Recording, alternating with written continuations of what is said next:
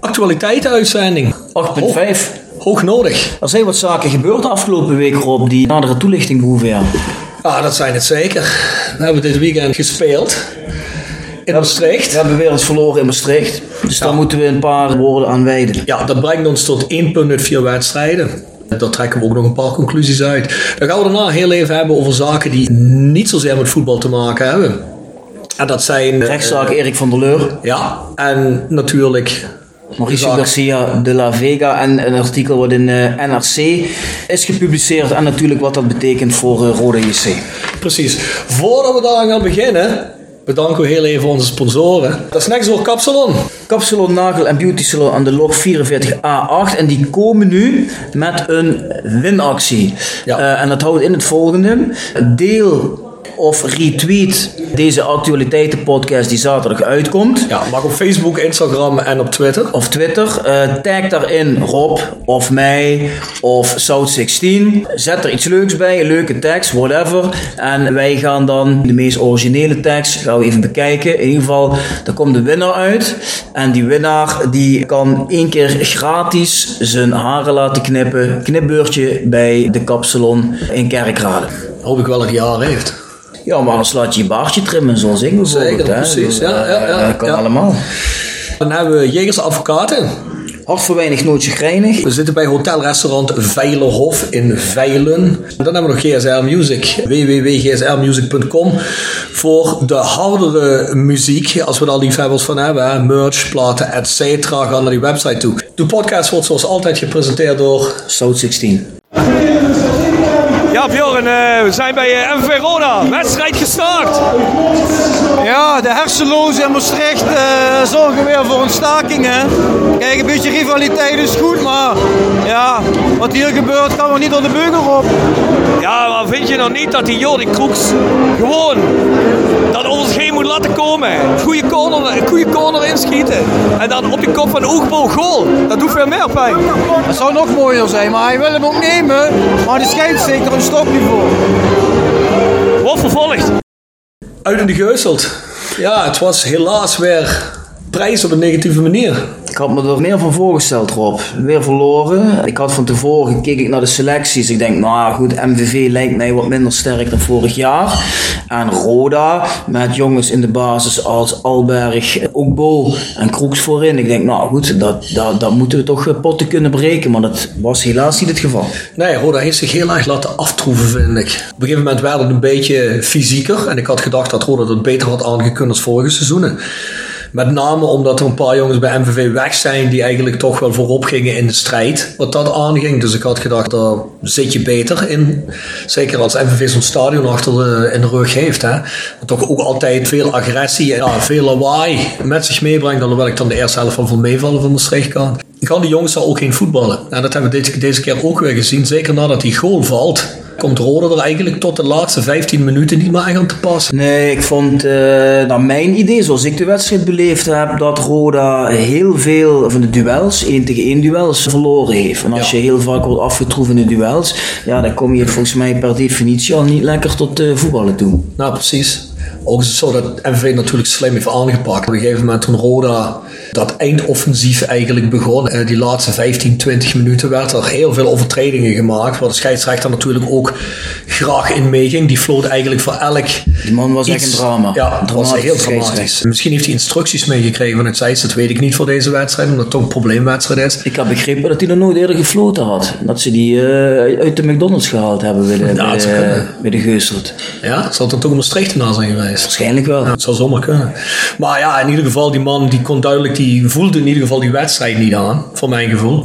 En de laatste 20 minuten werd er meer gestopt dan dat er gespeeld Ja, hij werd. hij vloot hem echt kapot. Je moet- Ja. hem wel een beetje door laten voetballen. En Ja. mag best wel eh, mannelijk gespeeld worden. Maar ja, nu, nu was gewoon eh, niks mogelijk. En zeker als iemand van MVV ging liggen, dan floot hij meteen af. En dat duurde maar. Hoewel ik wel het idee had van ja, in die laatste kwartier kregen we wel wat vrije trappen en hoekschoppen. Mhm. Ik denk van als hij dadelijk één keer goed valt. Hij viel bijna goed. hè? Hij viel bijna goed. Koppel op de paal van Daryl Werker. Ja. Kwam net een keer te kort om hem binnen Ja. te tikken. Er had eventueel een gelijkspel ingezeten. Ja, maar al met al vond ik het gewoon eh, te weinig om ergens aanspraak op te maken. Ja, het was heel pover. Het was een heel povere derby. Het is dat je Roda-fan bent in harde nieren.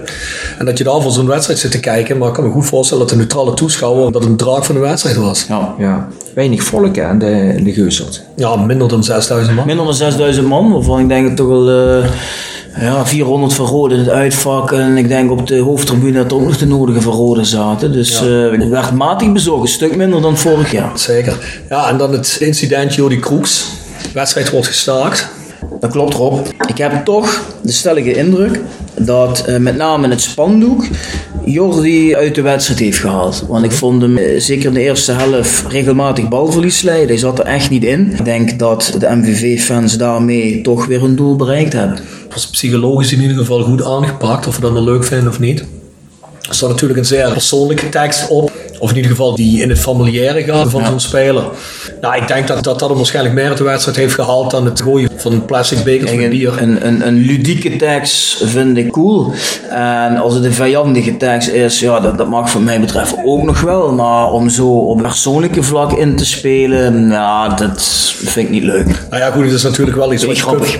Nee, dit is iets wat je kunt verwachten. En natuurlijk als je naar Maastricht gaat. In Maastricht mag altijd iets meer dan overal anders, heb je een beetje het gevoel. Ik denk dat je Er werd, ook bij... in, er werd ook in de pers gepraat over de rol van die, ehm, van die voorzitter natuurlijk. En dat heb ik ook gehoord naar de rand. Hij neemt Ja. niet eens afstand van niks. En dat deed hij ook eigenlijk in de derbies van tevoren. En ook in Nee. die play-off derby hij deed hij dat wel een klein beetje, maar ook niet echt. Er schijnt toch op de een of andere manier een rare verhouding te zijn. eh, Nou ja, je weet wel gewoon dat men binnen MVV de supporters daar minder op aanspreekt dan dat dat bij Roda het geval is. En je zag hem nu ook alweer in de pers. Begon die meteen over, ja, maar die jongens van Roda gooiden ook naar Joris Schrooijers. Ze gingen het meteen buiten zichzelf leggen. Ja, precies. Dus dat is wel iets eh, typisch uh, Maastrichts, denk ik. Ja, nou is het bij Roda ook soms een beetje te veel, vind ik persoonlijk. Dat er naar fans wordt gekeken. Maar ik denk, zo'n Alleen er is spandoek, zo'n wat daarop hangt, krijg je bij Roda niet eens mee naar binnen. Of ze halen het meteen weg. Of je dat moet verbieden, ja of nee. Ik vind dat moet je bij jezelf gaan te raden gaan als supportersgroepen. Die hoe ver je daarin wil gaan, of je dat goed vindt of niet. Nou, in ieder geval tot op een zekere hoogte ben ik er tegen om zaken te censureren. Maar goed, dat is weer een heel ander verhaal. Hoeven we nu niet op in te gaan. Nee, maar ik zeg, alleen, ik zeg alleen maar datzelfde spandoek. Als je dat mee naar Roda dat neemt, was niet gelukt, nee. nemen ze het je af. En als je pech hebt, krijg je nog een stadionverbod ook.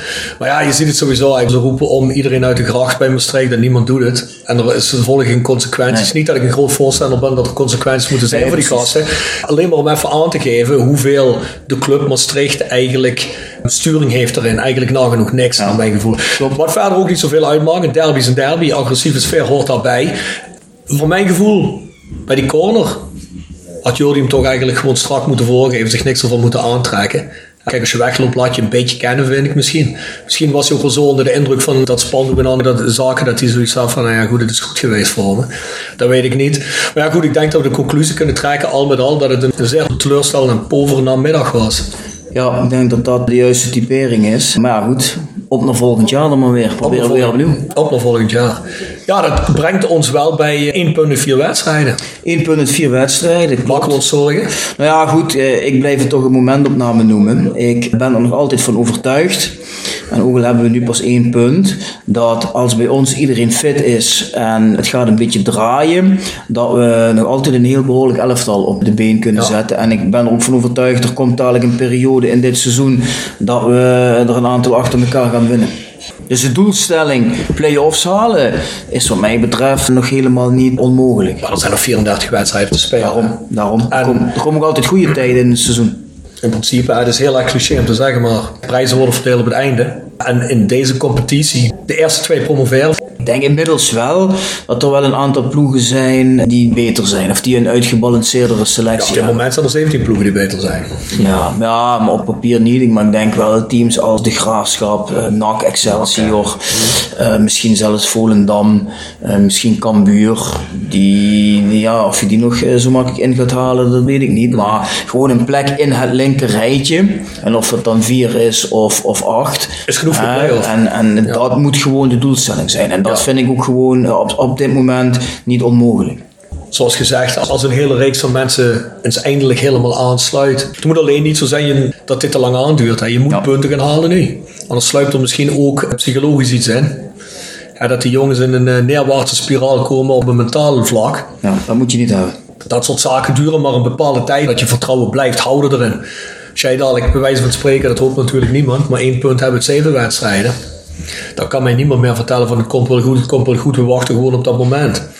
En dat zal toch nu ergens wel de komende drie, vier wedstrijden moeten gebeuren dat er wel punten worden binnengesleept. Kijk, Als je dadelijk 1 uit 8 hebt, dan wordt het een vervelend eh, verhaal. Ja, dat is zonder meer Ja. waar. Maar goed, ik vind gewoon, kijk, als publiek, als fans, moeten we erachter blijven staan. Ja. En die jongens aanmoedigen. En we hebben een goede trainer.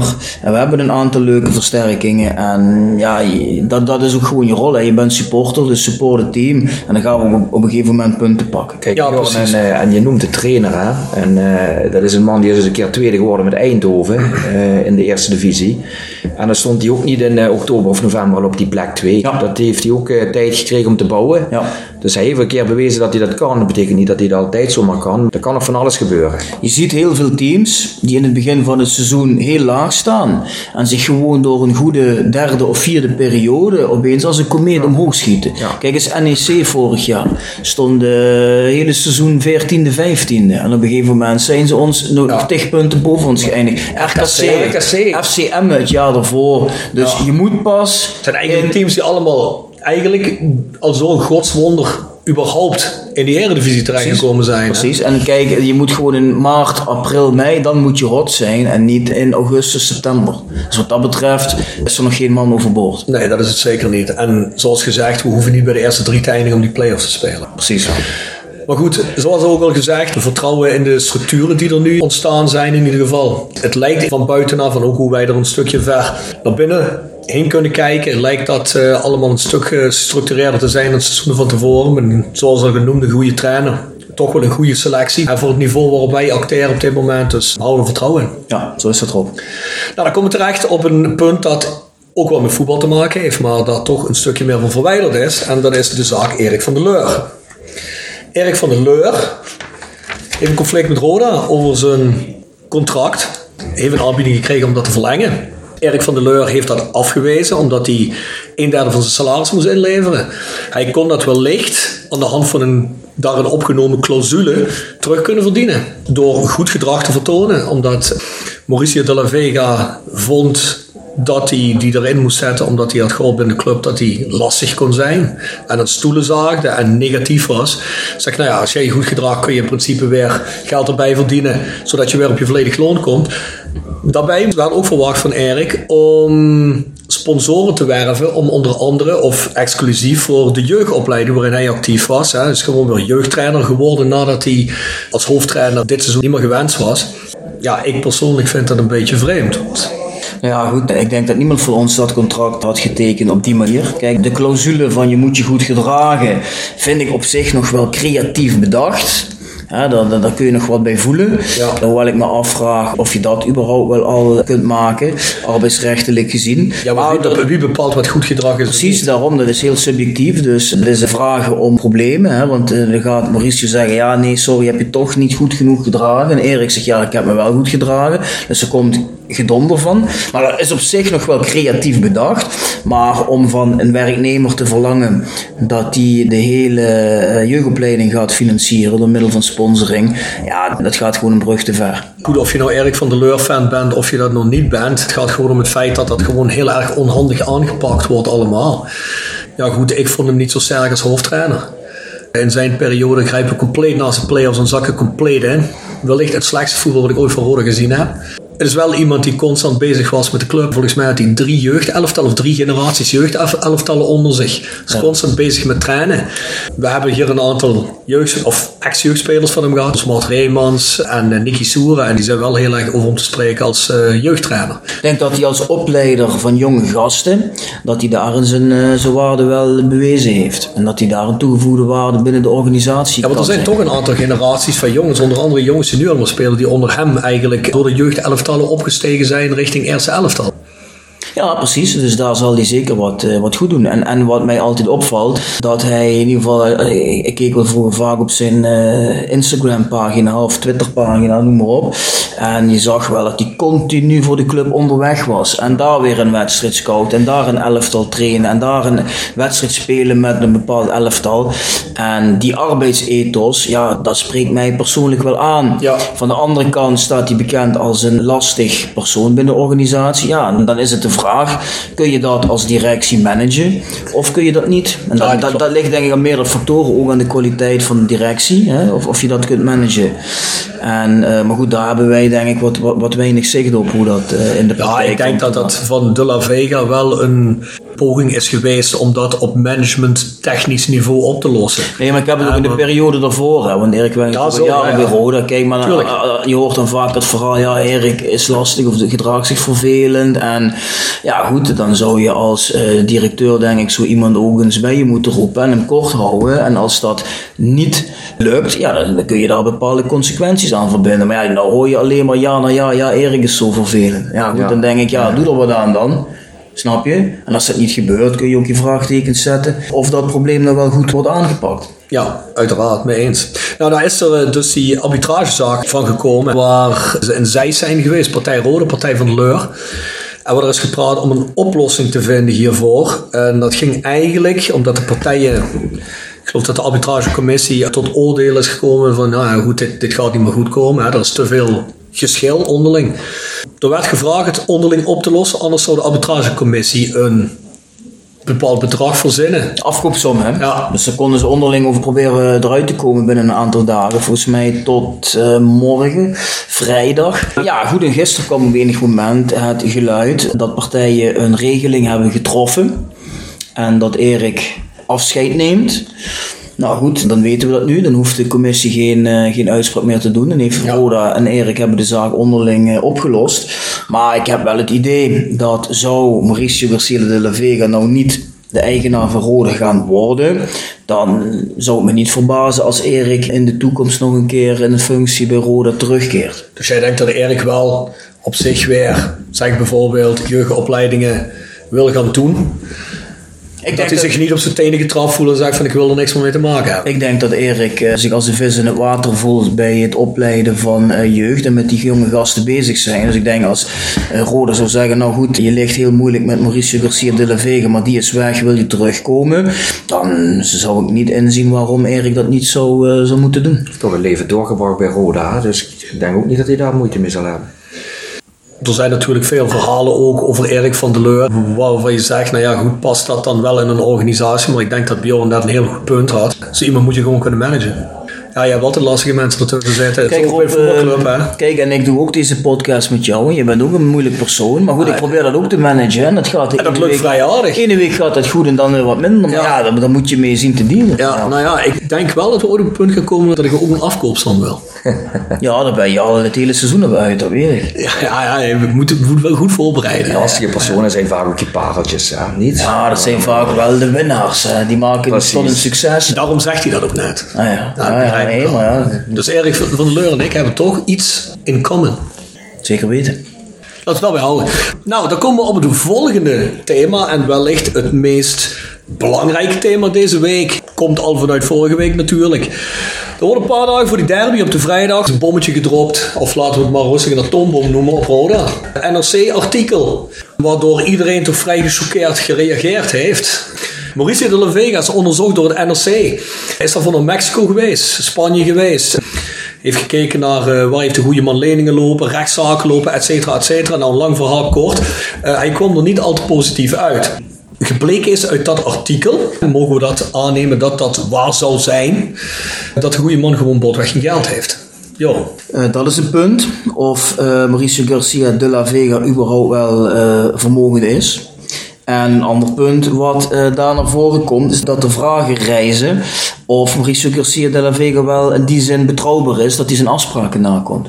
En dat zijn natuurlijk eh, ja, wel twee zaken die voor Rodi heel erg belangrijk zijn. En ook in het kader van de al dan niet goedkeuring door de KNVB. Wanneer is er een bepaalde deadline dat die goedkeuring moet plaatsvinden? Nou, die deadline is er niet, want eh, je hebt gezien bij FC Den Bosch, bij Kaki Jordania, dat er meer dan een jaar over gedaan is. Dus de KNVB, goed, die nemen de tijd zoals het ze uitkomt. Maar de begroting zal je toch eerder moeten inleveren, of ben ik nog gek?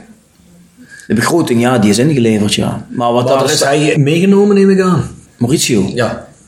Die, ja, die, dat zijn begrotingen, hè, dus die heeft hij ingediend. Ja, maar daar wil ik alleen maar mee zeggen. Blijkt dat de man nou daadwerkelijk niet vermogen is, valt die begroting natuurlijk ook uit. Nou ja, goed, kijk, dat, dat, dat is de vraag. Want eh, je weet niet wat in het contract staat, wat Roda, lees Frits Schroef en zijn adviseur Huub Mullenders, wat ze precies contractueel met Mauricio Garcia de la Vega zijn overeengekomen. Wat zijn nou de verplichtingen die Mauricio Garcia de la Vega op dit moment heeft en welke afspraken moet hij nu nakomen en komt hij die al dan niet nu wel of niet na? Ja. Dat zijn nu de, de vragen.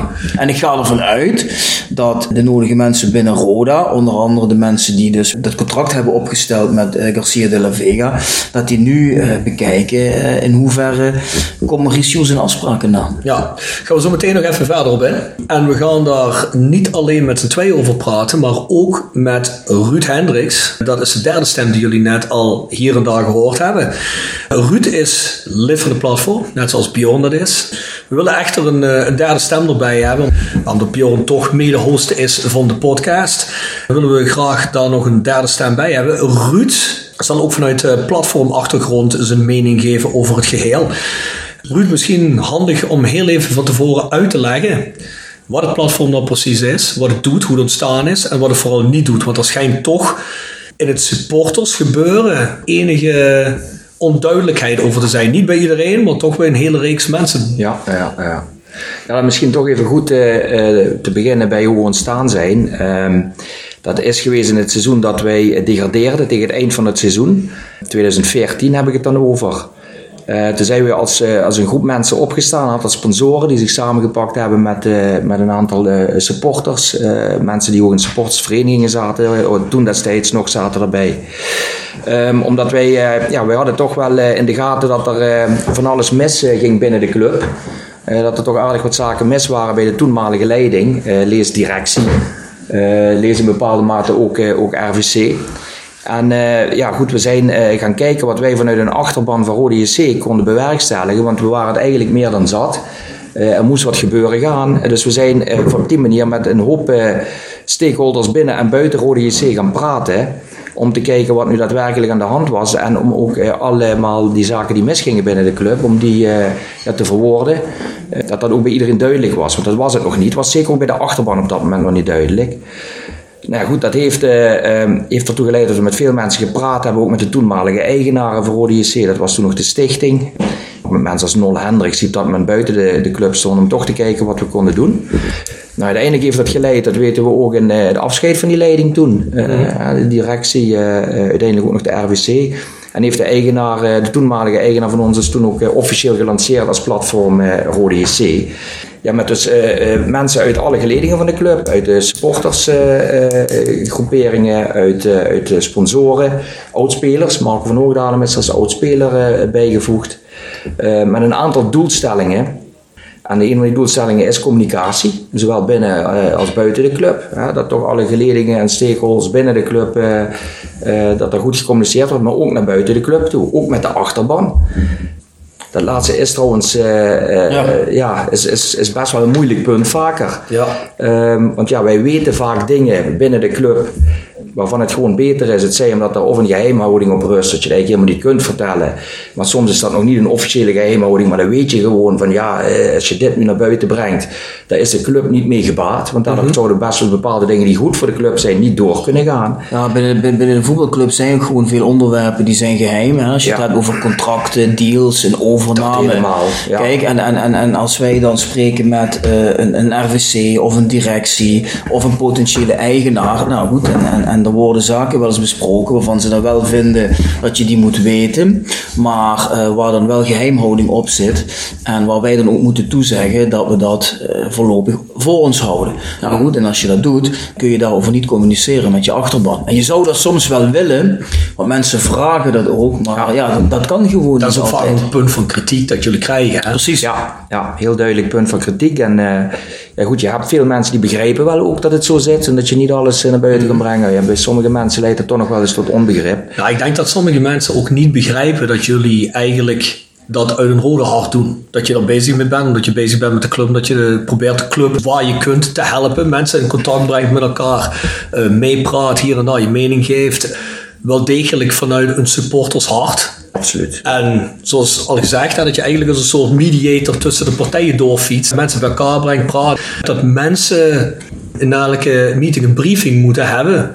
Dat gaat gewoon niet. Ja, en dan, ik denk dat er ook een stukje vertrouwen gewoon moet zijn daarheen. En ik heb het gevoel dat dat soms, ja, uit welke reden dat zo nu en dan ontbreekt bij mensen, weet ik niet. Eh, dat kan een persoonlijk iets zijn, misschien een ego iets, misschien dat mensen eh, ook graag een platformlid zouden willen zijn, weet ik wat dat voor de reden van zijn. Hè. Ik denk dat mensen vooral vaak vergeten dat het uit positieve redenen gebeurt voor de club. Ja, kijk, één ding kan ik wel zeggen. Uh, we zitten er absoluut niet voor onszelf. Want we maken mega veel uh, uren daarin. We zijn er heel veel tijd mee kwijt. Tijd die we misschien ook in uh, leukere zaken zouden kunnen steken. Maar we doen dat omdat we allemaal hart voor Rode hebben. En dat we Rode daar ook mee verder willen helpen. Dus het gaat allemaal ja. in het belang van Rode en niet voor onszelf. Ook duidelijk, hè, jullie zijn geen beslissende partijen. Nee, ja, even wat wij, wat wij niet zijn. Hè, want dat, um, ja, dat zijn, we zijn geen supportersvrienden die zijn er gewoon, die zijn er nog altijd en die blijven hun, hun taak erin doen. En we zijn inderdaad ook een partij die, die, die ja, we hebben geen beslissingsbevoegdheden. We zitten niet ergens in het organogram van Rode GC opgenomen dat we zeggen we gaan daarover en, en we gaan niet daarover. Nee, we staan wat dat betreft om in voetbaltermen te blijven ja, aan de zijlijn. En dat betekent dat wij uh, praten wel vanuit die uh, zijlijn met iedereen. Uh, we roepen wel eens wat het veld in. Ja. we proberen wat te beïnvloeden. maar we, ja, we nemen geen beslissingen. En, uh, we zijn geen supportersraad.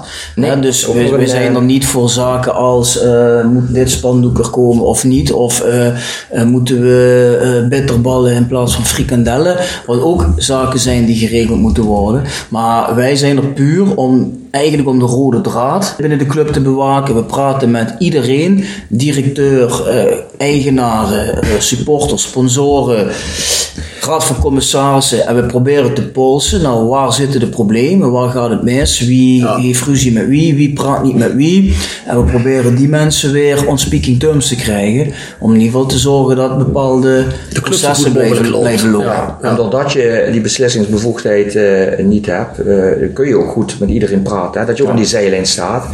Uh, dus dat is het positieve daarvan. Het, het, maar het is soms ook wel eens frustrerend. Hè? Want af en toe zouden we ook wel eens willen zeggen hoe het eigenlijk moet. Maar ja, dan, dan, dan gaat dat ook niet. Dan sta je soms ook naar de zijlijnen dat veld in te schreeuwen, maar dan, dan kijkt echt niemand naar je. Ja, ja, ik denk dat en af en toe bereik je iets ja, hoe, waarvan het grote publiek dan niet weet dat je daar een grote rol in hebt gehad. Bijvoorbeeld uh, de komst van Huub Stevens ja. in 2017 voor de playoff wedstrijd. ik denk dat we daar een hele grote rol in hebben gehad om, om hem uh, toen binnen te krijgen. Ja. Uh, we hebben toen ja, best wel wat te maken gehad met Tom Kane en, en het af afscheid, omdat het toen helemaal uit de hand uh, dreigde te lopen.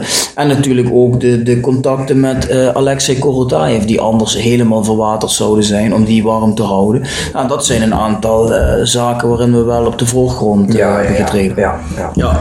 Nou, in ieder geval bedankt voor de uitleg. Ik denk dat dat wel hoog nodig was voor bepaalde mensen. Of je dat nou gelooft of niet, dat is in ieder geval wat het platform doet. Uh, dan komen we weer bij de zaak De La Vega aan. er toch geen mensen zijn die denken dat wij liegen? Ja, je hebt een advocaat, je ligt toch niet? Nee, daarom. Ik heb me nooit gelogen. Ik, heb, ik heb een eet afgelegd, hè. Ja, daarom. Bij het wetboek of leg je dat eraf? Ja, heb je de vingers nog gekruist bij jou? Ja, maar dus ik vind het helemaal niet fijn dat jij dat zo bestelt, die laatste zin, Rob. Ik voel me daarmee een beetje... Nou ja, weet je, kijk, luister. Uh, hè, er zitten nog meer mensen in de platform, niet alleen jij. Oh zo, ja. Nou ja. Toch goed? Ja, dat zit er zo. Ja, ja die hebben geen ede afgelegd. Die hebben geen ede afgelegd. Nou goed, dat zal het dat zijn. Maar verder over de zaak de La Vega. Nou, zoals gezegd, hè, we hebben Ruud hier zitten om daar ook zijn licht over te laten schijnen. Ik wil eerst even terug in de tijd. Want dat vind ik wel belangrijk. Dat wij de mensen nog eens uitleggen van waarom hebben we nu eigenlijk Maurice Garcia de La Vega. Ruud moet mij onderbreken als ik iets zeg wat niet goed is of, of onvolledig is. Maar in mijn beleving is het zo gegaan. En zitten we, denk ik, een week voor de presentatie van Garcia de la Vega als nieuwe eigenaar. Kan anderhalve week zijn. Op enig moment wordt het platform bij elkaar geroepen. En door hoge functionarissen binnen Rode C krijgen wij op dat moment voorgelegd dat er grofweg drie mogelijkheden zijn. Je hebt een Mexicaan en die Mexicaan had een brief geschreven waarop stond: ehm, Ik garandeer dat ik de komende vier jaar minimaal 2 miljoen in Roda steek per jaar. Eh, waarmee in ieder geval de tekorten zijn afgedekt. Maar ik wil waarschijnlijk meer doen, want ik wil binnen twee, max drie jaar naar de Eredivisie. Nou, dat was optie 1. Stond zwart op wit, die toezegging. Hebben we ook, eh, eigenlijk niet op dat moment, maar in een later moment hebben we die brief ook, ook echt gezien. Gewoon door hem ondertekend. En, eh, Precies, Ja. die brief is, is ons gewoon getoond. Nou, optie 2 was op dat moment de G3. Die waren met een vangnet bezig. Het probleem werd wel pas iets later duidelijk hè, hoe dat exact in elkaar zat. Hè? wel wat later duidelijk. Het probleem daarvan was, ja, ik denk dat ik dat wel mag zeggen, dat de G3, toen nog G7, eigenlijk al een jaar de kart trok binnen Roda. Maar ja, dat het eigenlijk weinig effect heeft gesorteerd in dat jaar. Eh, dat we als club niet veel verder zijn gekomen. En toen op het allerlaatste moment met een vangnet kwam. En dat plan was eigenlijk een plan voor een vangnet, regeling voor de duur van één jaar. Dus dan moet je even goed bedenken, zij komen er met een plan van één jaar op het allerlaatste moment, terwijl de mensen er al een jaar dus zaten. En daarnaast lag dan een plan van de Mexicaan die het al voor vier jaar garandeerde. Nou goed, dat was toen een, een afweging. Nou, even Bjorn, daar even, eh, je hebt me uitgenodigd dat ik erbij mag haken. Ja. Eh, wil ik even toch doen in dit geval, dat bij dat, eh, het was een plan voor één jaar. En daarbij was er ook nog beduidend minder geld. Initieel wat er tegenover stond om de tekorten in dat ene jaar af te dekken dan de 2 miljoen van de Mexicaan die we net eh, gehoord hebben. Precies. Dus eh, financieel gezien denk ik dat we met z'n allen kunnen concluderen dat het plan van de Mexicaan een stuk aantrekkelijker was. Ja. Nou, en dan krijg je nog de laatste groepering die met een plan bezig was, Roda 2.0. En dat is een plan die binnen supporterskringen veel sympathie heeft. Hè, omdat er dan gezegd wordt van ja, luister, dat zijn eigen Roda mensen, Gerzende, noem maar op. Dus dat is het plan waarvoor gekozen had moeten worden. Terwijl wij denken dat het eigenlijk op dat moment niet ging. Want dat heeft Gerzende zelf ook wel beaamd. Als die hier komt, moeten we dat nogmaals vragen. Maar Roda 2.0 was al maanden met een project bezig. Maar uiteindelijk kreeg men gewoon de financiering niet rond. Nee. Dus er was wel een plan. En, wat je, en van dat plan kan iedereen vinden wat hij vindt. Maar op het moment als je het geld niet rond hebt, ja, dan heb je dus feitelijk niks. Nee. Dat Dus- loont er wel een toekomstige eh, mogelijke financier bij die in de toekomst geld zou hebben. En er werden over enorme bedragen gepraat. Maar op dit moment was dat, of niet op dit moment, op dat moment was dat bedrag nog nul wat hij in kon brengen. En als je dan zegt, ja, we hebben het voor 90% bij elkaar, ja, dan heb je uiteindelijk nog niks. En we hebben nog maanden nodig en niet twee maanden of zo. Volgens mij ging het meer in de richting van een half jaar wat er nog nodig zou zijn. Dus eigenlijk, En- en- de, en urgentie die nodig was, was er niet bij Roda 2. Of de urgentie was er wel, maar De middelen op, niet. korte, Middelen. op korte termijn konden die middelen niet gegenereerd worden. Nee, het Nee. geld was er gewoon niet. Kijk, en dat waren dan op dat moment de drie opties op tafel. Eh, en er zat natuurlijk tijdsdruk op, omdat Frits Schroef mogelijk een faillissement zou gaan aanvragen voor Rode SC. Spraken dat eigenlijk Nou. wel knetterhard uit. Ja. Toen hebben wij gezegd, ja, luister jongens, als de vlag er zo bij hangt, ja, zou ik zeggen, doe met die Mexicaan dan maar. Dat geeft mij, op basis van die brief die hij geschreven heeft, geeft mij dat het meeste vertrouwen. Nou, en die meneer, Mauricio Garcia de la Vega, die is toen doorgestuurd naar Frits Schroef en zijn adviseur Huub Mullenders. Door wie doorgestuurd? Ehm, ja, dat is ook een wat gecompliceerder verhaal, denk ik. Ehm, en wat bedoel ik daarmee is dat, dat, dat eh, wij wisten van die optie af. Ehm, terwijl we ook de, destijds nog te horen hebben gekregen dat die, nog, die optie nog niet eh, bekeken werd door eh Frits Schroef en eh, zeg maar even zijn adviseur Huub Mulleners. Ehm, dus wij, en eigenlijk lagen, want ga ik nog even eh, terug naar de tijd voordat die drie opties eigenlijk op tafel lagen. Op dat moment wisten wij dat, eh, dat hoorden wij vanuit het kamp Schroef dat, dat men het faillissement wilde aanvragen. Aan de andere kant wisten wij van de brief af wat die Mexicanen doorgestuurd en van wat lokale initiatieven. Ja, en, en wij hebben op dat moment eigenlijk als platform eh, hebben wij toen een, eh, een meeting belegd en alle stakeholders rondom Rode GC, de huidige eigenaar, eh, mensen die mogelijk iets konden betekenen, hebben wij uitgenodigd in het Rode Stadion. Daar is inderdaad uh, Huub Mullenders uh, namens uh, Frits naartoe gekomen en een aantal mensen die dus mogelijk iets konden betekenen. En daarbij is, is eigenlijk wel ook, ook aangegeven door vanuit Kamp Schroef, van, knetterhard aangegeven dat ze echt het visement willen aanvragen. maar dat men dan daarnaast ook echt alle opties serieus moest bekijken. En dat is eigenlijk het moment dat eigenlijk die, die, de brief van de Mexicaan ook ter sprake kwam en eigenlijk op die manier is doorgezet. Ja. Dus dat is een. Um...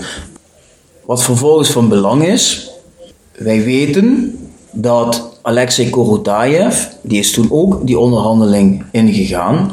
En Alexei Korotayev heeft meteen gezegd: Ik lever boter bij de vis. Ik wil eigenlijk eigenaar worden van de club.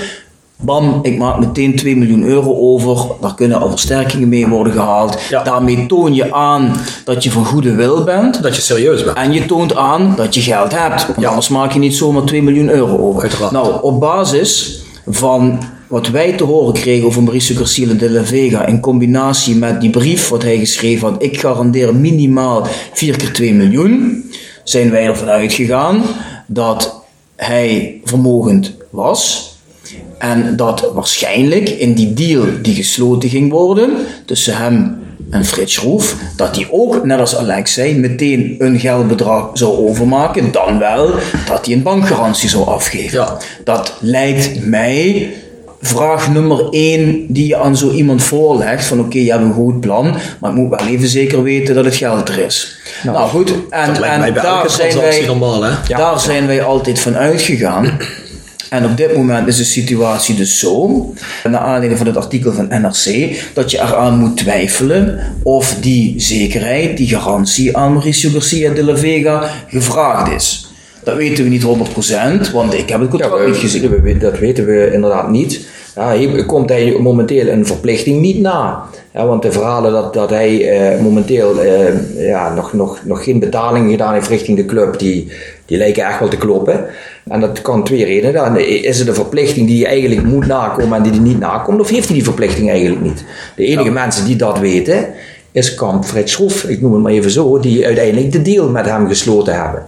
Nou ja, goed, rechtsom of linksom, het lijkt mij bijzonder onprofessioneel van Kamp Schroef of het nou op de een of de andere manier is. Kijk, als je het contractueel niet hebt vastgelegd en de La Vega zegt, nou ja, ik hoef dat nu niet te doen, ik kan het ook op een later tijdstip doen. Uh, en ik leg voor de rest leg ik wel, uh, leg wel verklaring af bij de KNVB leg ik het daar wel uit. Goed. Het zou misschien goed zijn voor de club, want dat betekent dat hij alsnog het geld heeft.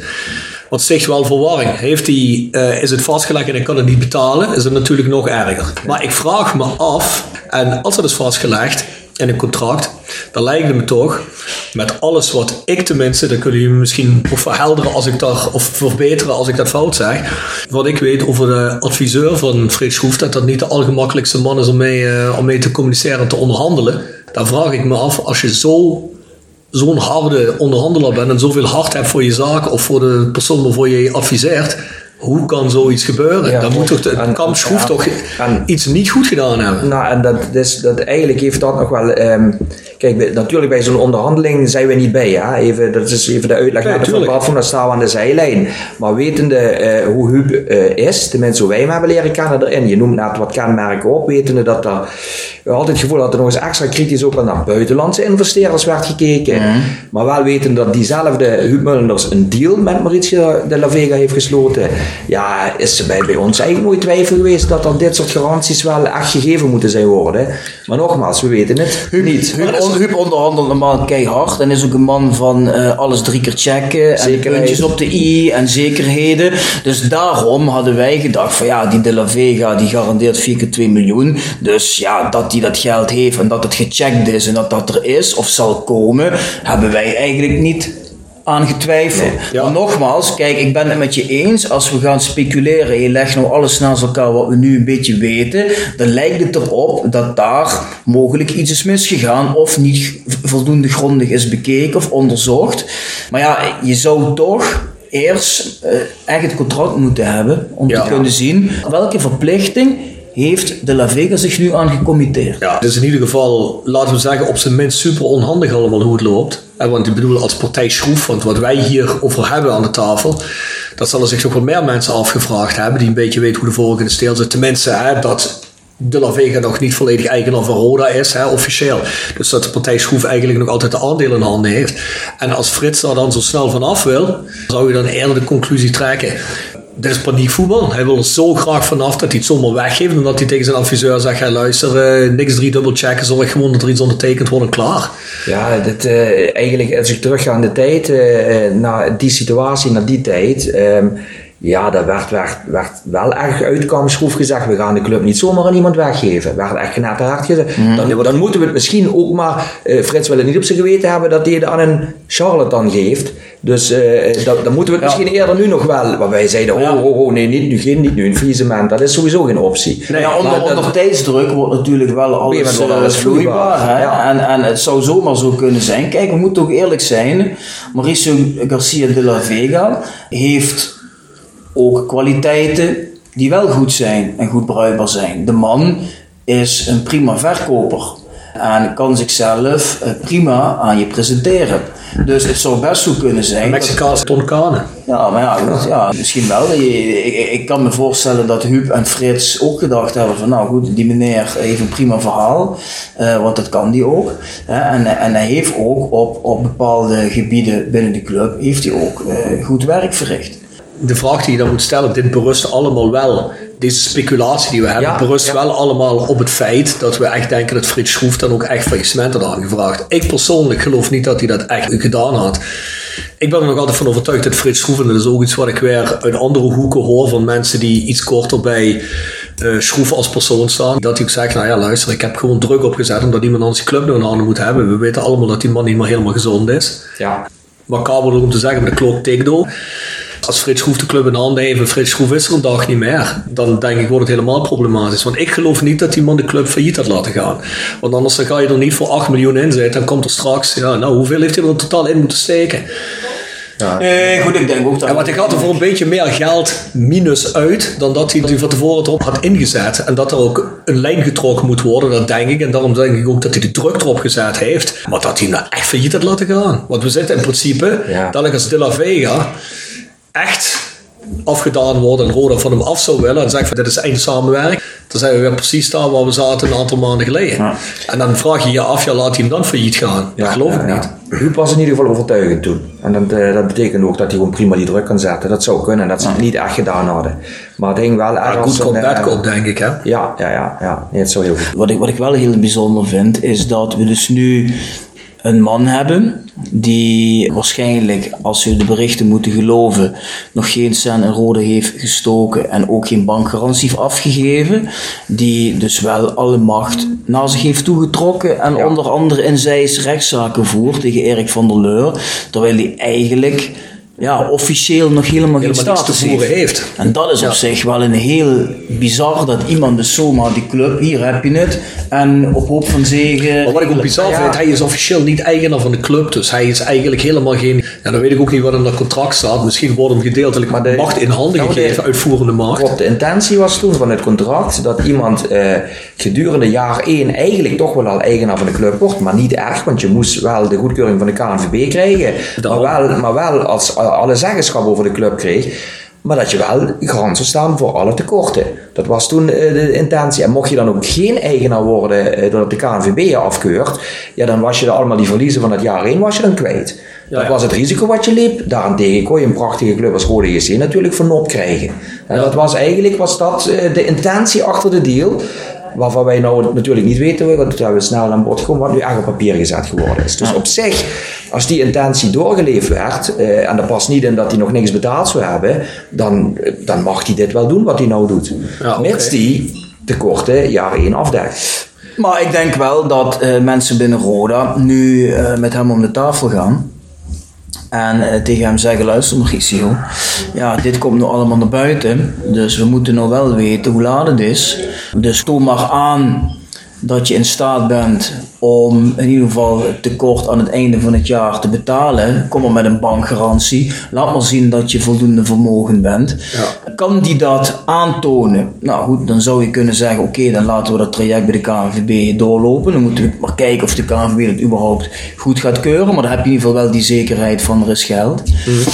En als je dat niet kan aantonen, ja, dan denk ik dat die club zich moet gaan afvragen: oké, okay, moeten we dit proces wel continueren. Ik vind het wel bizar dat allemaal draait om een bankgarantie die eigenlijk, naar mijn mening, vraag je erom als iemand een club komt overnemen en als jij een contract tekent, dan wil je toch, ik neem aan dat hij een contract getekend heeft. Dan, dan, Ja. dan wil je toch op dat moment, als ik voor jou een auto koop, en ik zeg ik heb dat geld wel, dan geef je mij toch ook die auto niet mee totdat je op zijn minst een bankgarantie hebt gezien of iets van geld hebt gezien. Dat doe je toch niet? Dat is toch de normaalste zaak van de Nee, wereld? dat, dat ben ik met je eens. Dit kan alleen maar in voetbal, hè?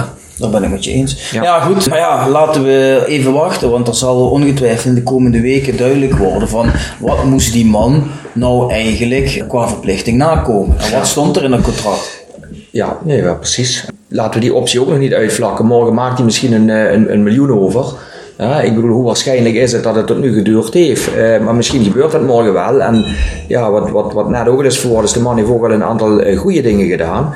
Tot we dit voor, ja, wat is het in de tijd gezien? Een anderhalf, twee weken geleden eh, op het spoor kwamen. Ja, was, vonden we ook dat hij heel veel goede dingen was aan doen natuurlijk. Nou, ik moet eerlijk zeggen- trainer, Ja. selectie hebben we het over Precies. gehad. Ja. hij, hij verkoopt de club. Hij lijkt ook aan, aan de inkomstenkant te denken. Terwijl we tot nu toe alleen maar over kostensnijden gehoord hebben. eh. maar ja, dit ziet er wel allemaal bij elkaar heel erg slecht uit. Hè? Het feit, eh, wat een feit lijkt te zijn dat hij er nog geen geld in heeft gestopt. In, in en eigenlijk- combinatie met, met wat, dat NRC-artikel. Ja, dat, dat NRC-artikel laat wel heel veel dingen zien uit het verleden. Wat je dan nu wel bij Roda ook ziet. Ja. Dus dat alles bij elkaar. Eh, Kijk, en op zich, zijn idee van ja, maar Roda heeft eh, niks aan de zoveelste eigenaar die maar continu zelf miljoenen erin moet steken. Die club moet de inkomsten omhoog, de kosten omlaag en sowieso zichzelf kunnen bedruipen. Dat idee is op zich goed. Prima. Dat spreekt me aan. Alleen, ja, je moet toch, wil je op dit moment eigenaar van Roda zijn, ja, dan weet je, er komen rekeningen die betaald moeten worden. Je zult toch een bepaald vermogen moeten hebben waar je gewoon een werkkapitaal en waar je lopende verplichtingen mee gaat eh, voldoen. En als die dat niet heeft, ja, dan denk ik toch dat dat niet eh, de bedoeling was. Ja, ja, duidelijk. Hoe serieus kunnen we het NRC-artikel nemen? Ja, goed, kijk, NRC is geen prutskrant natuurlijk. Nee, Dus, uiteraard eh, niet. Ik denk dat niemand buiten het NRC zelf nu nog eh, eh, bewijzen heeft uit het, eh, eh, die zegt, oh ja nee, ik heb dit ook hier gezien. Dus los van het artikel heb je weinig eh, eh, bewijzen ervan. Maar wat je zegt, NRC is normaal gesproken een serieuze kra- eh, krant. Maar los daarvan... hij verlegt het zelf ook niet inhoudelijk, hè? Dus eh tenminste Ja, inhoudelijk. ja, ja oké, nee goed. Maar ja, dat je gewoon zegt van luister, ik neem er afstand van. Je hoeft ook niet in de pers zo'n vete te gaan uitvechten en, en daar gaan roepen, dit Ja, is onzin, dat, snap ik wel. maar weet je wat het nog is, Rob? Kijk, als hij bij Roda gewoon met een bankgarantie komt of een zak geld en zegt, wat ik kom mijn verplichtingen niet na, hier, bam, Bam, heb je, heb je genoeg geld voor dit jaar, dan zou je nog kunnen zeggen, ja, wat maakt mij dat uit wat hij in Mexico of, of bij, bij Murcia Ja. gedaan heeft. Snap je? Maar het gaat me erom Tuurlijk. dat, dat wat NRC schrijft, wat er in Spanje en Mexico gebeurt, gebeurt dat bij ons ook. Ja, Dat is de vraag. Het heeft er alle schijn van op het moment natuurlijk. Hè. Want er is niks gemakkelijker als nu een betaling voor te leggen. Of in ieder geval een bankgarantie af te geven. Dan ben je klaar. Dan zijn we klaar met de hele discussie. Ja. Dus dat de man nu zegt, de enige instantie waar ik me aan ga, aan ga verantwoorden, jullie zullen allemaal wel zien dat jullie fout hebben, dat is de KNVB. Ja. Ja, dat is gewoon niet goed genoeg nu. Je Nee. creëert er mega onrust mee. Hè. Nee, en kijk, uiteindelijk heb je niks aan een eigenaar zonder eh, vermogen die ook wil investeren. Want anders hadden de aandelen net zo goed naar jou of naar Ruud of naar mij kunnen gaan. Dan hadden wij ook directeur kunnen spelen. Ja. want dat is natuurlijk niet de insteek waarom we met die man in zee Of zijn. naar de andere alternatieven waar we het net over hadden. Hè? Daar zeiden we net ook van. Dat zat ook eh, minder of, of geen financiële middelen. Ja goed, als die man dat ook niet meebrengt, dan komt het op hetzelfde neer. Nee, dus er is mogelijk, ja, kun je vanuit gaan, waarschijnlijk wel iets misgegaan in eh, de due, diligence fase. Hè. Bij het onderzoek naar is die meneer wel vermogend en, en komt hij zijn afspraken na. Nou goed, daar kun je van vinden wat je vindt. Maar ik denk wel, als we terugkijken naar de dag dat voor Mauricio Garcia de la Vega is gekozen, was dat op dat moment een logische keuze. Ja, ja, ja. Ja, goed. Omdat je waarschijnlijk je recherche niet goed genoeg doet. Is dat op dat moment de juiste keuze. Ja, op het moment dat de drie plannen op tafel lagen, was dat voor ons Nee, met dat- afstand de meest logische keuze. Dat begrijp ik, Alleen maar vervolgens moet, moet je, je- natuurlijk gaan kijken. Dat- Meneer, laat eens even zien dat u dat ook waar kunt maken. Wat En maak even geld over. Dat, dat en daar, ik. en daar is het dan wellicht, waarschijnlijk, daar is het misgegaan. Dat bedoel ik, want anders kan ik met een vierde plan komen en zeg ik, Rob Frans Zulder 5 miljoen per jaar Nee, precies. Nee, precies. Maar ik heb, het, ik heb het over het moment dat die drie plannen concreet op tafel lagen en je moest daar een keuze in maken. En je gaat Ja, ervan uit dat de plannen op waarheid Weet je, berusten. weet je wat het is? Dat begrijp ik allemaal. We hebben het hier wel eens gehad met, eh, met jongens, bijvoorbeeld zo'n Mark Maas, of hoe gaat het met spelers? Eh, als, hij, eh, als je geïnteresseerd bent in een speler, Ja. nou, dan ga je met zo'n speler praten. Wat gebeurt er dan allemaal? En dan zegt hij ook, nee, er is een heel voortraject bij. Die speler is al lang gekeurd, er worden allemaal dit en allemaal dat. Wat ik dan mee wil zeggen, het principe is hier hetzelfde. Voordat jij een plan op tafel legt en zegt, nou, we gaan het plan 1, 2 en 3 kiezen. Dan ga je niet zeggen, ah, we gaan met het plan Mexicaan, dat ziet het beste uit. Dan moet al een voorfase in voor mijn gevoel voorzitten. Voordat je het überhaupt aan iemand gaat voorleggen. Waarvan je zegt, hij belooft 2 miljoen per jaar. We hebben bankgaranties gezien. Die 2 miljoen voor het eerste jaar, die zijn er. Nou, ehm, daar kan ik wel iets op, eh, op aanvullen, Rob. eh, wat in die tijd ook nog speelde. En die naam is nog niet gevallen dat Pieter Nieuwenhuis daar ook bij eh, betrokken Dat zou mijn volgende vraag zijn. Dat, dat, dat Ja. was een, ja, die was daarbij betrokken. En vanuit die hoek, Pieter Nieuwenhuis, even ter toelichting, even, even gerenommeerd consultancybureau. Hypercube. Hypercube. goede banden met de KNVB. Ja, En ja, vanuit die hoek werd hij eh, een mede- betrouwbare partij. mede aangedragen, of zo niet aangedragen kunnen we wel zeggen. Betrouwbare partij. En eh, daar kwam ook het geluid vanuit die hoek van, ja, en de screening van deze meneer bij de KNVB, dat, eh, dat gaat hoogstwaarschijnlijk geen probleem zijn. Zo'n formaliteit. Want waar hij zijn geld vandaan heeft, dat, is, ja, dat zijn allemaal, dat zijn allemaal clean, clean business. Dus, dus ja, dat, Er werd dat- zelfs nog gezegd, die meneer is gecheckt in Mexico, geen vervelende geluiden. Nee. Dus het leek op dat moment allemaal roze geuren en maar. dan Dus misschien is naar het proces- op. En dan moet het eigenlijk binnen een week gepiept zijn gezien de tijdsdruk dat hij een faillissement wilde aanvragen. Dus even, ja, zo we Ja, want dan, dan denk ik, dan heeft het Kamp Schroef met, nogmaals zoals gezegd, een Humbullenders die niet bekend staat als iemand die over één nacht ijs gaat. Dat toch over één nacht ijs gegaan, op basis van, omdat Hypercube hem aandraagt. Wie weet. Onder dat andere grote wil ik, gissen. ja dat weten we niet zeker. Nee, tuurlijk, daar, daar lijkt het wel op dan. Kijk, je weet ook niet of NRC misschien mogelijkheden heeft om dieper te graven dan dat, dat Roda of Hypercube die op dat moment had. Maar ja, als je dat hoort zou je denken met een aantal telefoontjes naar Murcia of naar de Mexicaanse bond, had je misschien wel al kunnen vermoeden van, hmm, eh, klopt dit allemaal wel? Denk jij dat jij als, als journalist, dat er automatisch meer deuren voor je open gaan als voor een financiële adviseur van iemand? Ik denk niet dat er per se meer Nee, deuren voor je zijn, open die zijn daar natuurlijk wel een hele tijd mee bezig. Want ze Ja, hebben wat meer en, tijd en, bij gehad. Roda, en bij Roda was het, moest het binnen die week... Kan ik begrijpen, kan ik begrijpen. Dat zou een punt En- kunnen en zijn, voor maar ik vind het, ik vind het voor ons- alsnog... Voor ons als platform was het inderdaad wel zo. Kijk, als eh, Pieter Nieuwenhuis eh, roept, hè, en dat is geen koekenbakker en die heeft goede contacten overal in de voetballerij, en die zegt van dit is een betrouwbare partij, ja, dan, dan, dan vaar je daar in principe in eerste instantie op. Dat was voor ons, hadden we daar op dat moment geen twijfels bij. Nee, Het was nee, in principe ja, een kwaliteitsstempel voor jullie. Ja, Ja. Jullie beslissen niks, maar dat, Nee, maar dat, de indruk die je heel, kreeg. heel goed gevoel met de geluiden die we eerder al eens... eh, ja, Hebben we nog iets gehoord van Pieter Nieuwenhuis? die is eh, Ja. Ja. stil, hè, redelijk rustig, laten we het dan zo maar is rustig, zeggen. maar goed, Ja. ik ga er wel vanuit dat hij op de achtergrond ook die wel aan het meedenkt is, aan ja. een oplossing. Dan wel dat die Mauricio pusht om over de brug te komen. Dat mag ik horen. En, en zo niet, misschien aan eh, een andere oplossing denkt. Kijk, ja, mensen zijn nu natuurlijk heel boos en terecht. Maar goed, ook als dit verhaal niks wordt met Mauricio, ja, dat, dat staat me verschut. Maar je moet toch door. Dan moet, er, dan moet er toch een nieuw plan op tafel wil Oké. niet door, dus ja, we moeten maar... eh, Weten we, weten we hoe uh, Alexei Korotayev hier tegenaan kijkt? Dat is toch zijn mede-eigenaar. Ja, goed, wat, wat ik weet van Alexei Korotayev. Kijk, hij is nog wel op de hoogte, maar Alexei zegt gewoon: ja, luister jongens, kijk, ehm, ik zit in Dubai, ik kan daar niet weg.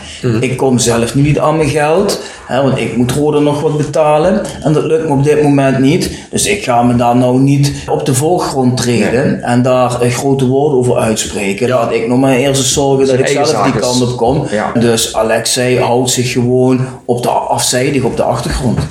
Hoe groot, hoe groot achten we de kans als Alexei zijn rechtszaken die hij uh, lopen tegen Jelena staat afgehandeld is. En dat hij weer mag reizen en dat hij weer uh, aan zijn geld mag. Hoe groot achten wij de kans dat hij dan zegt, nou weet je wat, dan pakt die club gewoon helemaal.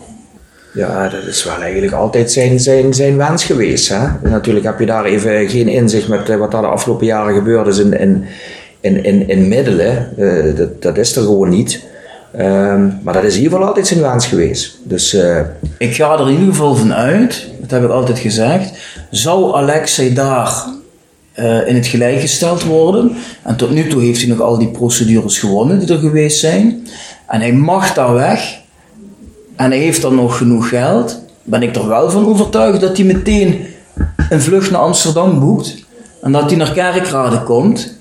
Absoluut. Daar ben ik 100% van overtuigd. Ja. Ja. Of die vervolgens, en dat hij dan hoofdaandeelhouder wil worden, ben ik ook van overtuigd.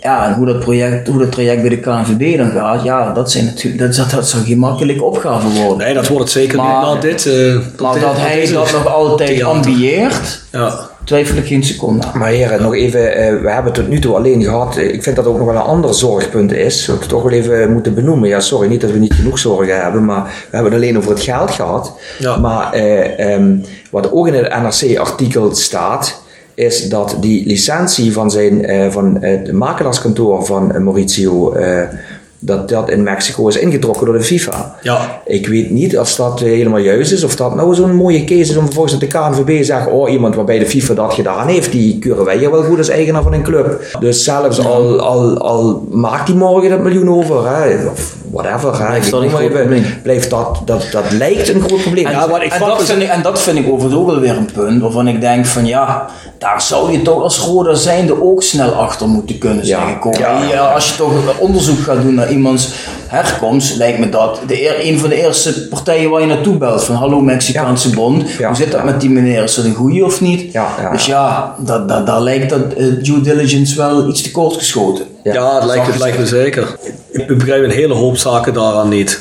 Ik vind, dat heel, ik vind het een heel, heel vreemd verhaal, maar om daar heel even verder op in te haken. Zelfs al zou dat FIFA-wettelijk wel mogen, denk dat de KNVB dan wel vindt dat het gezichtsverlies is voor de KNVB als ze toch zo iemand goedkeuren. Ja. Want dan zeggen ze van ja, die gast, schijnbaar heeft hij te maken. Ja, maar tenzij, tenzij hij kan aantonen dat dat verhaal dat dat niet waar fabels is. Uiteraard, maar laat dat verhaal nou wel kloppen. Hè, want dat was erop gebaseerd dat hij een speler niet zijn, zijn deel van een transfer betaald heeft. Dan in gebrek is gebleven. Waarna de bond heeft gezegd, nou ja goed, eh, nemen we je licentie af. Blijkt nou dat je wel een club mag bezitten als die licentie ingetrokken is, staat het toch als KNVB ook niet goed op als je dan eigenlijk zegt tegen de FIFA, ja jullie achten die man onbetrouwbaar in het ene, maar wij achten hem heel betrouwbaar in het andere. Het gaat om een karakter natuurlijk ook. Ja, dat, is dat wat, vind ik eh, ook, dat is wat Ruud zegt. Hè. Als dat klopt, dan denk ik dat dat voor de KNVB een groot probleem is. Ja, dat stel je voor, de KNVB zou dat dan ook goedkeuren. Dan vind ik, heb daar zelfs gewoon een, een, het, het, het morele probleem mee dat ja, die man hè, is dan gewoon binnengekomen bij Rode JC. En hij, heeft daarbij verwoord van luister, ik heb vroeger een makelaarskantoor gehad en daar heb ik afstand van gedaan, want ik, eh, ik ben ermee gestopt en ik wil een club kopen en dat mag niet samen. Ja, dan heeft hij daar ook gewoon over gelogen. En ik, eh, dat vind ik toch ook gewoon, ja, dat is gewoon niet juist. En je moet je afvragen of je zo'n man als eigenaar van de club wil hebben. Ja, dat is het hele probleem nu ook. Er gebeuren nu zoveel dingen. We zijn er tot de conclusie gekomen, nou gewoon een bankgarantie verleggen, het hele probleem met de wereld. Ja, dat is het gemakkelijkste wat je kunt doen, moet eigenlijk easy zijn. Als jij zegt, ik heb dat geld, waarom doe je dat niet? Had er eigenlijk al lang moeten zijn natuurlijk. Ja, en dan denk ik bij mezelf, blijkt hij aan de hand wel het geld te hebben en heeft het zo chaotisch laten worden nu, want iedereen is in paniek nu, over dat gedeelte bij de club. Dan denk je toch van ja, wil ik zo iemand als, wat jij al zegt, wil ik zo iemand als eigenaar van mijn club hebben, die dat schijnbaar geen reden interesseert dat iedereen zo in paniek is nu, want volgens mij is hij gewoon tijd aan het trekken. Ja, Dat is maar goed. Daar lijkt het inderdaad wel op. Ja. Daar lijkt het op, Dat ja. zijn terechte vragen op. Nou, daar heb ik nog één vraag om het eh, verhaal te beëindigen. Mocht dat helemaal niks worden, waar het wel een beetje op begint te lijken dat het De La Vega verhaal misschien wel op zijn einde loopt. Mocht Alexei Korotayev bij wijze van spreken niet op tijd eh, er nog in willen stappen. Er wordt er gesproken over een vangnet en met name Stijn Koster. Wat moet ik me daarbij voorstellen? Ja, luister Rob, ik ken Stijn Koster zelf niet. Ik heb hem nog nooit gesproken. We hebben toen gelezen dat hij gelieerd zou zijn aan het plan van de G3. Hij komt dus uit die hoed. Schijnbaar. Die- dan die- ga het maar even vanuit. Ja. Ja, ja, maar maar ja, la- laten we wel wezen. Kijk, als je zo iemand hebt uit Kerkrade afkomstig en die zou een rode hart hebben en die wil helpen, ja, dan lijkt dat natuurlijk een ideale, een ideale man. Dus eh, ik ga er eigenlijk ook wel van uit dat eh, de contacten tussen Roda en Stijn Koster wel gelegd zijn en dat die daar wel over gaan praten. Ja, en nou, heel even voor de duidelijkheid. Als we de hele tijd hebben over Roda, dan hebben we het over de partij Schroef. Ja, en die partijen moet je, dan moet je het wel, ja, die zullen het uiteindelijk moeten regelen. Ja, dat is gewoon de verkopende, de verkopende partij. Ja, maar voor de duidelijkheid, dat, Ja, iedereen, precies. dat mensen ook begrijpen met wie is Roda nou, hè? Wie is Ja. Roda nou? Want dat is voor veel mensen volgens mij op het moment niet meer zo duidelijk. Hè? Hey, Frits Schroef en Huub Mullers zijn eigenlijk degenen die de verkoop doen. En als Ja, ja. de verkoop aan Mauricio niet doorgaat, ja, dan moet je dan iemand anders gaan verkopen. Dus ja, in dat kader zullen zij dan met Stijn Koster. Omdat hij uit de hoed komt, of in ieder geval aangedragen is, misschien vanuit de G3, zou dat betekenen dat we de G3 ook weer terug gaan zien bij Roda of niet? Geen idee. Weet ik echt niet. Geen, geen idee. Nee. nee. Nou, Nou ja, en, en, en, en ehm, Ik heb in ieder geval er wel van gelezen dat iemand van de G3 gesproken heeft met Bjorn Timister, journalist voor Rode Insight.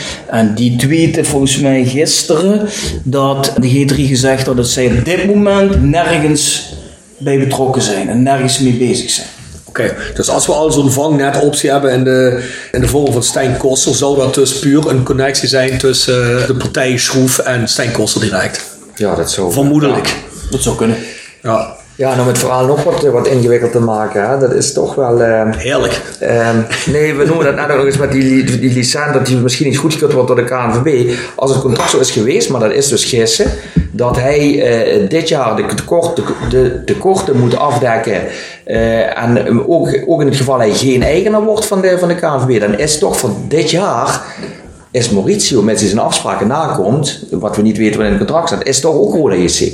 Ja. is toch, kijk maar, want bij de KNVB in een zaak tegen Erik van der Leur zit daar toch Mauricio de la Vega. En daar zit hij op dat moment toch even terecht als Rode JC zijnde. Nou ja, goed, dat is tot zo'n artikel natuurlijk naar buiten komt. Hè. Vindt iedereen dat dat terecht is? Ja, ja, nu ja. twijfelt iedereen of Nu, dat twi- terecht nu we twijfelen allemaal, want we weten of zijn verplichtingen nakomt. ja, Ja, ja. ja.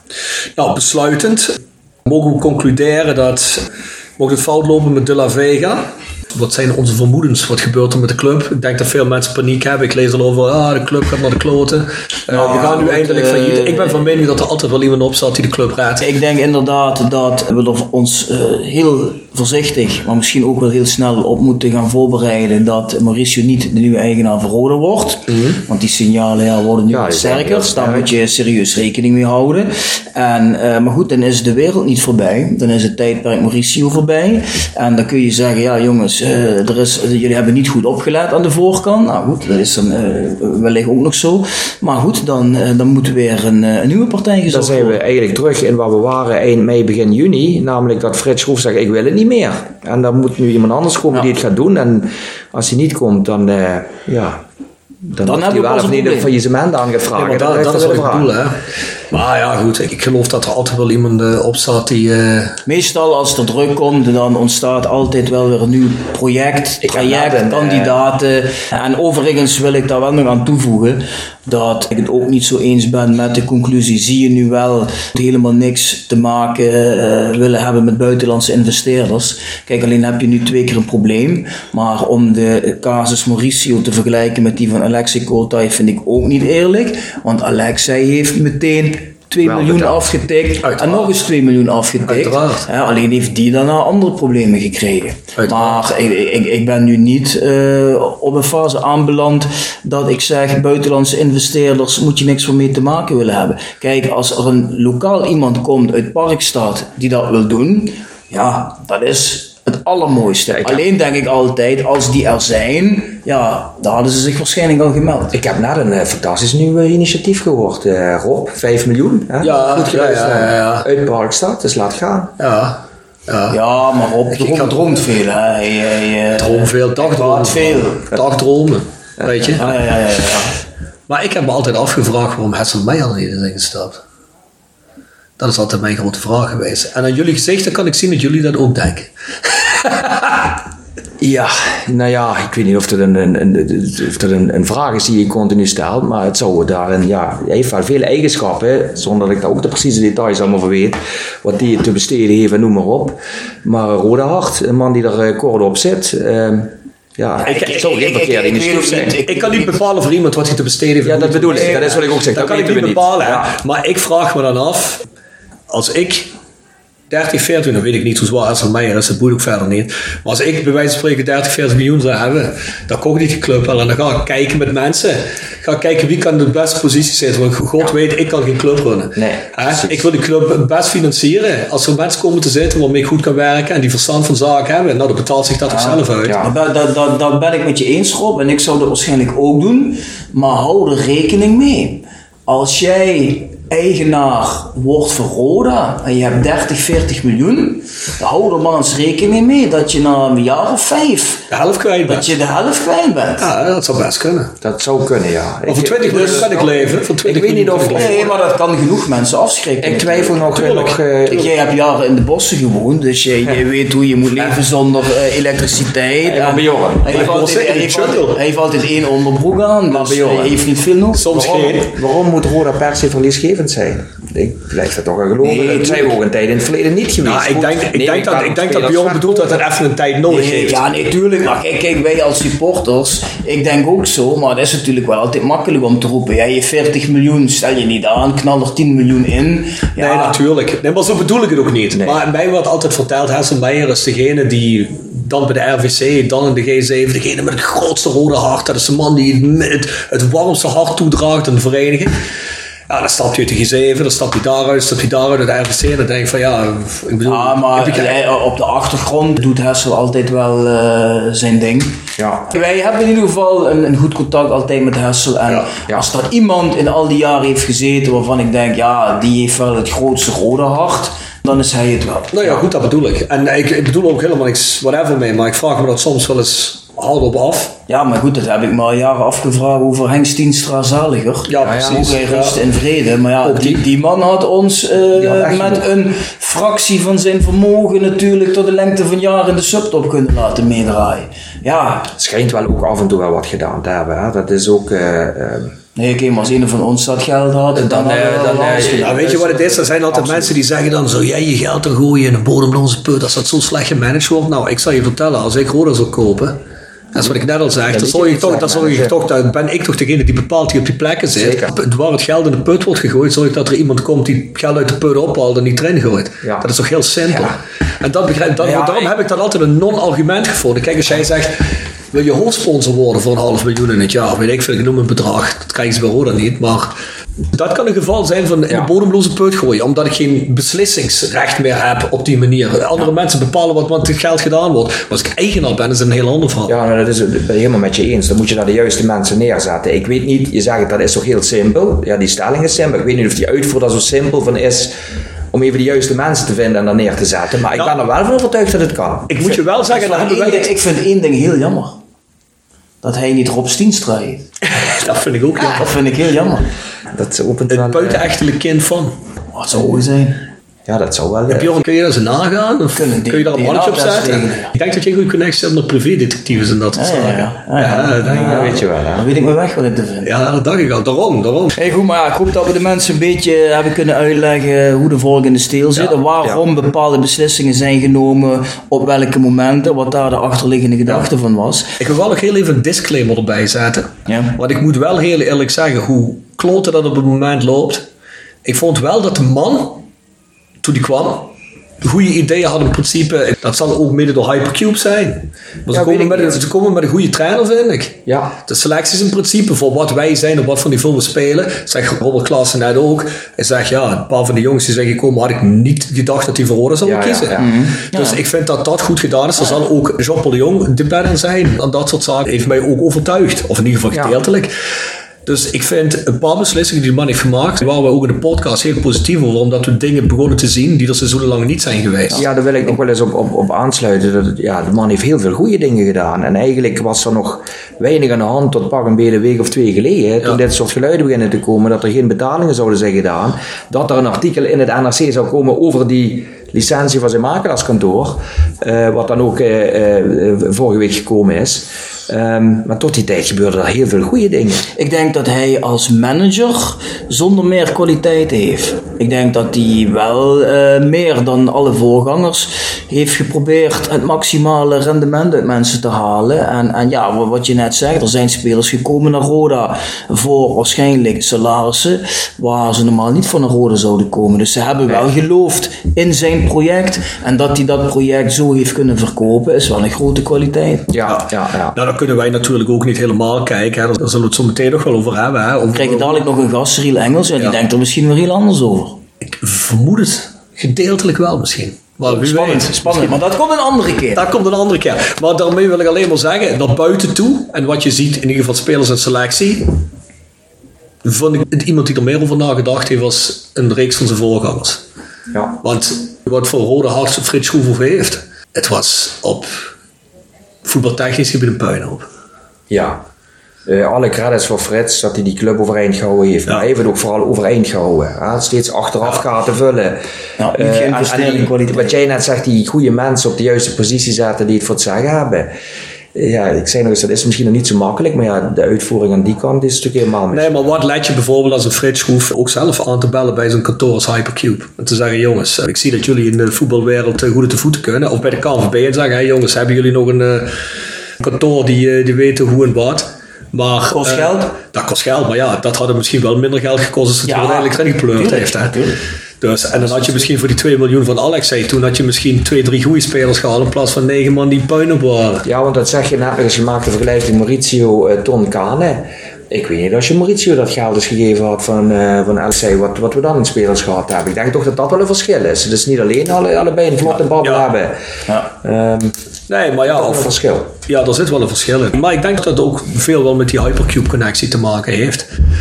Maar goed, We gaan het zien. we gaan het zien. Wordt vervolgd. Ruud, bedankt voor je tijd. Fijn dat je wel Geen even namens het platform ook Ja. toelichting bent komen Ja, dankjewel. Graag gedaan. Misschien de volgende keer weer als er weer iets belangrijks te bespreken is van dit level. Hebben we graag weer een, eh, een inzicht. Ja, zeker. Dankjewel. Allee. Nou, nog heel even kort. Nog een woordje van dank aan de sponsors. Next door Kapsalon, Nagel en Beauty Salon Log 44A8 in Kerkrade. Retweet, delen, taggen en win een gratis knipbeurt. van deze uitzending. Dan hebben we nog Jiggers Advocaten, Hart voor weinig, nootje grijnig. GSR Music, hardcore metal label, www.gsrmusic.com voor al je hardere muziek. Hotelrestaurant Veilerhof. Rob heeft net weer zijn vaste soepje en kaasplankje gehad. Dat was heerlijk, man. Dat zag goed uit, hè? Ja, het zag er echt goed uit. Dan moet je, de volgende keer als je langs komt, moet je mogen bestellen. Eet ik niet meer van tevoren. Ja. En deze podcast wordt gepresenteerd door Uiteraard South 16. South 16. Shop.south16 of www.south16.com. Zit hij erop? Het is een langere actualiteitenuitzending geworden dan we dachten dat het zou zijn, maar er was veel te bespreken. En ik denk dat dat ook Het was goed nodig. gedaan is. Het was nodig. Yes. Tot ziens. Tot ziens.